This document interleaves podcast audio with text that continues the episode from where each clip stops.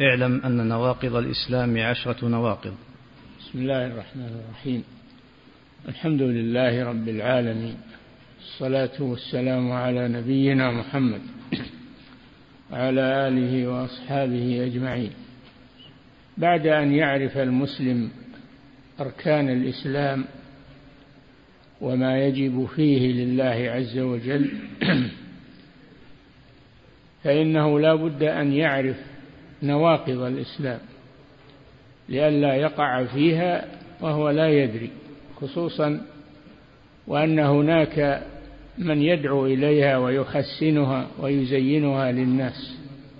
كثير من الناس واقعون إلا من رحم الله في هذا الخطر العظيم بالفتنة بالقبور والتعلق بالأموات غير ذلك من أنواع الشرك وهم يقولون لا إله إلا الله محمد رسول الله ويصلون ويصومون ويحجون ويعتمرون لكنهم ينقضون ذلك بما يقعون فيه من نواقض الإسلام.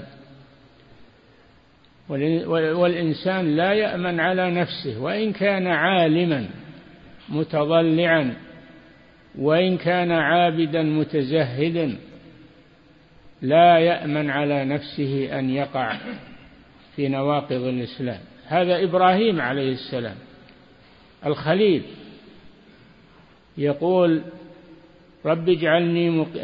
يقول في دعائه واجنبني وبني أن نعبد الأصنام. الذي كسر الأصنام بيده وعذب وأوذي. وألقي في النار بسبب ذلك يخاف على نفسه. يقول رب اجعل هذا البلد آمنا يعني مكة المشرفة. رب اجعل هذا البلد آمنا واجنبني وبني. شوف الإنسان يدعو لذريته ما يقتصر على نفسه. واجنبني وبني أن نعبد الأصنام. ربي إنهن أضللن كثيرا من الناس. فإذا كثر الشر فإن الإنسان يخاف على نفسه أن يقع فيه. ولهذا يجب على المسلم أن يتعلم نواقض الإسلام بعد ما يتعلم أركان الإسلام وشروط الإسلام. تعلم النواقض. حتى يحذر منها.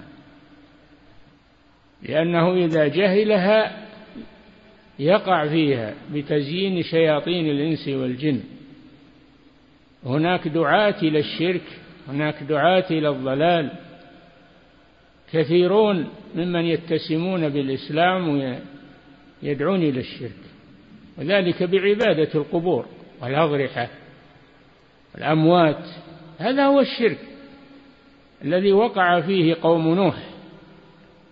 أول ما وقع الشرك في الأرض بسبب الغلو في الصالحين ودعائهم وتعظيم قبورهم.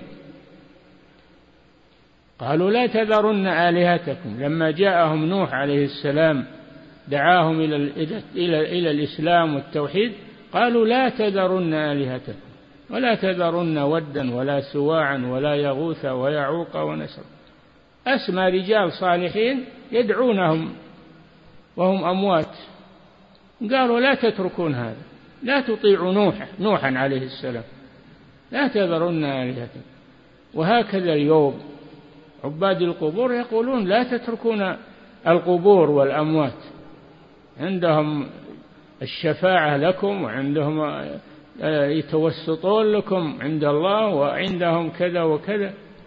فالإنسان يخاف على نفسه فلا بد أن يعرف نواقض الإسلام حتى يتجنبها. نعم. اعلم أن نواقض الإسلام عشرة نواقض.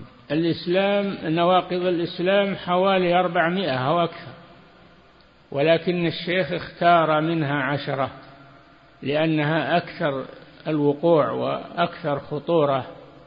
وإلا فهي أكثر من ذلك. وهي مذكورة في كتب الفقه في باب الردة. نعم. الأول الشرك في عبادة الله تعالى. أعظم نواقض الإسلام الشرك في عبادة الله عز وجل. فهناك كثير من يقولون لا إله إلا الله محمد رسول الله ثم يقولون يا علي يا حسين يا عبد القادر يا فلان يا علان يدعونهم مع الله سبحانه وتعالى. وهم يقولون لا إله إلا الله. يناقضونها يقولونها لكن ينقضونها ويبطلونها. مثل الإنسان إذا توضأ وتطهر ثم أحدث فإنه تبطل طهارته ويبطل وضوءه. كذلك الإسلام إذا أشرك بالله بأي نوع من أنواع الشرك فإنه يفسد إسلامه وينتقض إسلامه. ولهذا قال قال حذيفة رضي الله عنه حذيفة بن اليمان يقول كان الناس يسألون رسول الله صلى الله عليه وسلم عن الخير وكنت أسأله عن الشر مخافة أن يدركني. مخافة أن يدركني. ما هو بالإنسان يتعلم الخير فقط. لا بد أن يتعلم ضد الخير ما هو علشان يتجنبه ويبتعد عنه ويحذر منه. نعم. الأول الشرك في عبادة الله تعالى. الشرك في عبادة الله تعالى. كأن يدعو مع الله نبيا أو وليا أو صالحا من الصالحين. كما كان المشركون يعبدونهم ويعبدون من دون الله ما لا يضرهم ولا ينفعهم ويقولون هؤلاء شفعاؤنا عند الله. قال تعالى والذين اتخذوا من دونه أولياء ما نعبدهم إلا ليقربونا إلى الله زلفى. فهكذا يقعون في الشرك ويقولون نحن ما أردنا إلا الخير. نريد منهم أن يشفعوا لنا عند الله. الله أمرك بهذا. الله قال ادعوني. ما قال ادعوني بواسطة فلان وشفاعة فلان. ادعوني أستجب لكم. ما بينك وبين الله حاجب ولا أحد يمنعك. ارفع يديك إلى الله وادعه ولا تقل بواسطة فلان بشفاعة علان وهكذا. نعم. صلى الأول الشرك في عبادة الله تعالى. قال الله تعالى إن الله لا يغفر أن يشرك به ويغفر ما دون ذلك لمن يشاء. ما يذكر الشيخ شيئا من نواقض الإسلام إلا ويذكر دليله من القرآن أو من السنة. وفي هذا لما ذكر أول نواقض الإسلام ذكر ضده وهو الشرك بالله من أجل أن يتجنبه. المسلم. أعد. الشرك في الشرك في عبادة الله تعالى. قال الله تعالى إن الله لا يغفر أن يشرك إن به. إن الله لا يغفر أن يشرك به ويغفر ما دون ذلك لمن يشاء. الشرك لا يغفر إلا بالتوبة. الشرك لا يغفر إلا بالتوبة. أما إذا لم يتب فهو من أهل النار. قطعا. إن الله لا يغفر أن يشرك به ويغفر ما دون ذلك من الذنوب. يغفر ما دون ذلك من الذنوب. وإن كانت كبائر ما دامت دون الشرك فإنها محل المغفرة من الله سبحانه وتعالى. إن تجتنبوا كبائر ما تنهون عنه نكفر عنكم سيئاتكم وندخلكم مدخلا كريما. ويقول الله جل وعلا يا ابن آدم لو أتيتني بقراب الأرض خطايا يعني ملء الأرض خطايا ذنوب ثم لقيتني لا تشرك بي شيئا لأتيتك بقرابها مغفرة. فكل الذنوب التي دون الشرك هي محل المغفرة من الله سبحانه وتعالى. وأما الشرك فإنه لا يغفر أبدا. إن الله لا يغفر أن يشرك به. ومن يشرك بالله فقد افترى إثما عظيما. ومن يشرك بالله فقد ضل ضلالا بعيدا. إنه من يشرك بالله إنه من يشرك بالله فقد حرم الله عليه الجنة ومأواه النار وما للظالمين من أنصار. نعم. وقال إنه من يشرك بالله فقد حرم الله عليه الجنة ومأواه النار وما للظالمين من أنصار. هذا آية. هذه آية من القرآن. إنه من يشرك بالله فقد حرم عليه الجنة ومأواه النار. حرم يعني منع. منعه من دخول الجنة. لا يدخلها. فالحرام هو الممنوع. حرم الله عليه الجنة ومأواه النار. ما يروح هنا ولا هنا. ما لا بد إما الجنة وإما النار. ما أمامك يوم القيامة إلا الجنة أو النار. ما فيه محل ثالث. أو أنك تفر وتبعد عن المسؤولية. أبد محشور مجموع مع الناس. مالك مخرج. إلا بأعمالك الصالحة وبتوحيدك لله عز وجل وإلا فأنت مع أهل النار. نعم. ومنه الذبح لغير الله كما منه الشرك أنواع الشرك أنواع. منه دعاء غير الله ومنه الذبح لغير الله أن يذبح للأصنام يذبح للقبور. يذبح للأولياء والصالحين على وجه التقرب إليهم من أجل أن يشفعوا له. وكم يذبح عند القبور الآن؟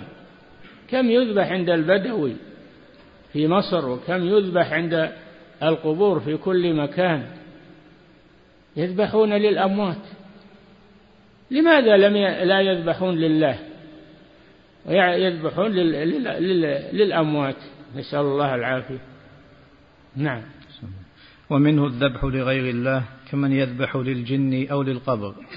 يذبح للجن مخافة أن يصيبوه. إذا نزل دار يذبح أول ما يبني الدار أول شيء يذبح ذبيحة على عتبتها ويلطخ جدرانها بالدم ويقول هذا لأجل أن الجن ما يضرونني. ما يضرونني ويكدرون علي سكني. أسأل الله العافية.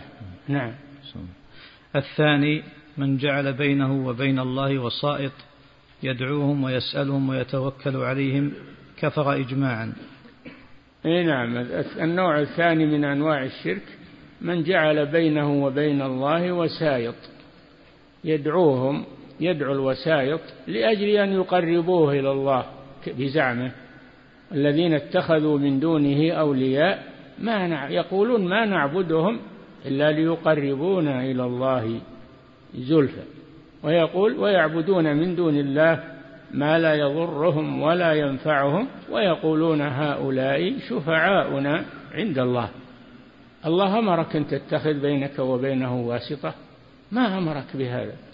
قالوا ادعوني استجب لكم. ادعوني مباشرة بدون واسطة. نعم.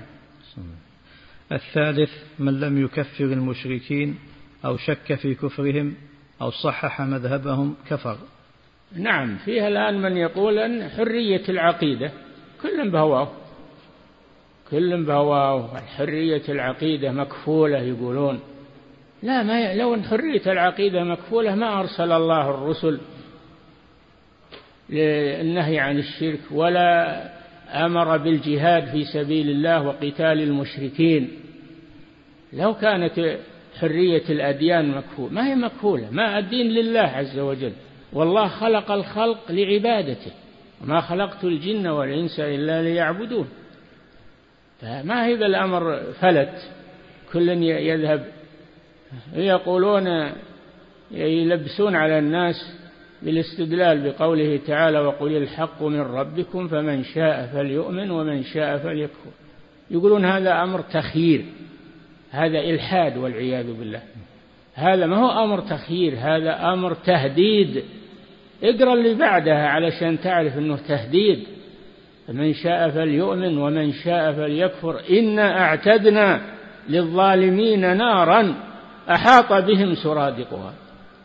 وإن يستغيثوا يغاثوا بماء كالمهل يشوي الوجوه بئس الشراب وساءت مرتفقا ثم قال إن الذين آمنوا وعملوا الصالحات هؤلاء هم الذين آمنوا وعملوا الصالحات إنا لا نضيع أجر من أحسن عملا. لكن هؤلاء يأخذون بعض القرآن ويتركون بعضه. الآيات متواصلة. ما يجوز تأخذ أولها وتترك باقيها لأن يعني بعضها متعلق ببعض. ما هو بأمر تخيير هذا أمر تهديد ووعيد والعياذ بالله. نعم. الثالث من لم يكفر المشركين أو شك في كفرهم أو صحح مذهبهم كفر. أي نعم. ومنه اللي يقولون حرية الأديان. لا ما في حرية الدين لله عز وجل. ما في دين إلا دين الإسلام ولا في حرية إن الإنسان يعبد ما يشاء هذا من الشيطان. والله لو كان حرية الأديان ما أرسل الله الرسل ولا أمر بالجهاد. العبادة لله الذي خلق الناس هو الذي يعبد. الخالق سبحانه وتعالى هو الذي يعبد. العبادة حق لله وحده. لا يجوز أن تصرف لغيره من الناس. من الأشجار والأحجار والقبور والأضرحة وغير ذلك. نعم. الرابع. يكفي نقف عندها. جزاك الله صلى الله وسلم على نبينا محمد وعلى آله